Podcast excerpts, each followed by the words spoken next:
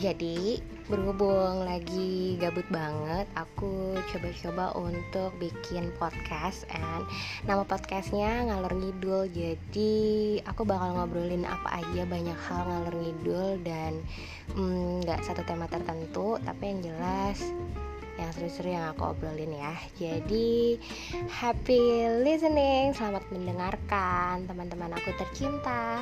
Semoga suka ya. Love you.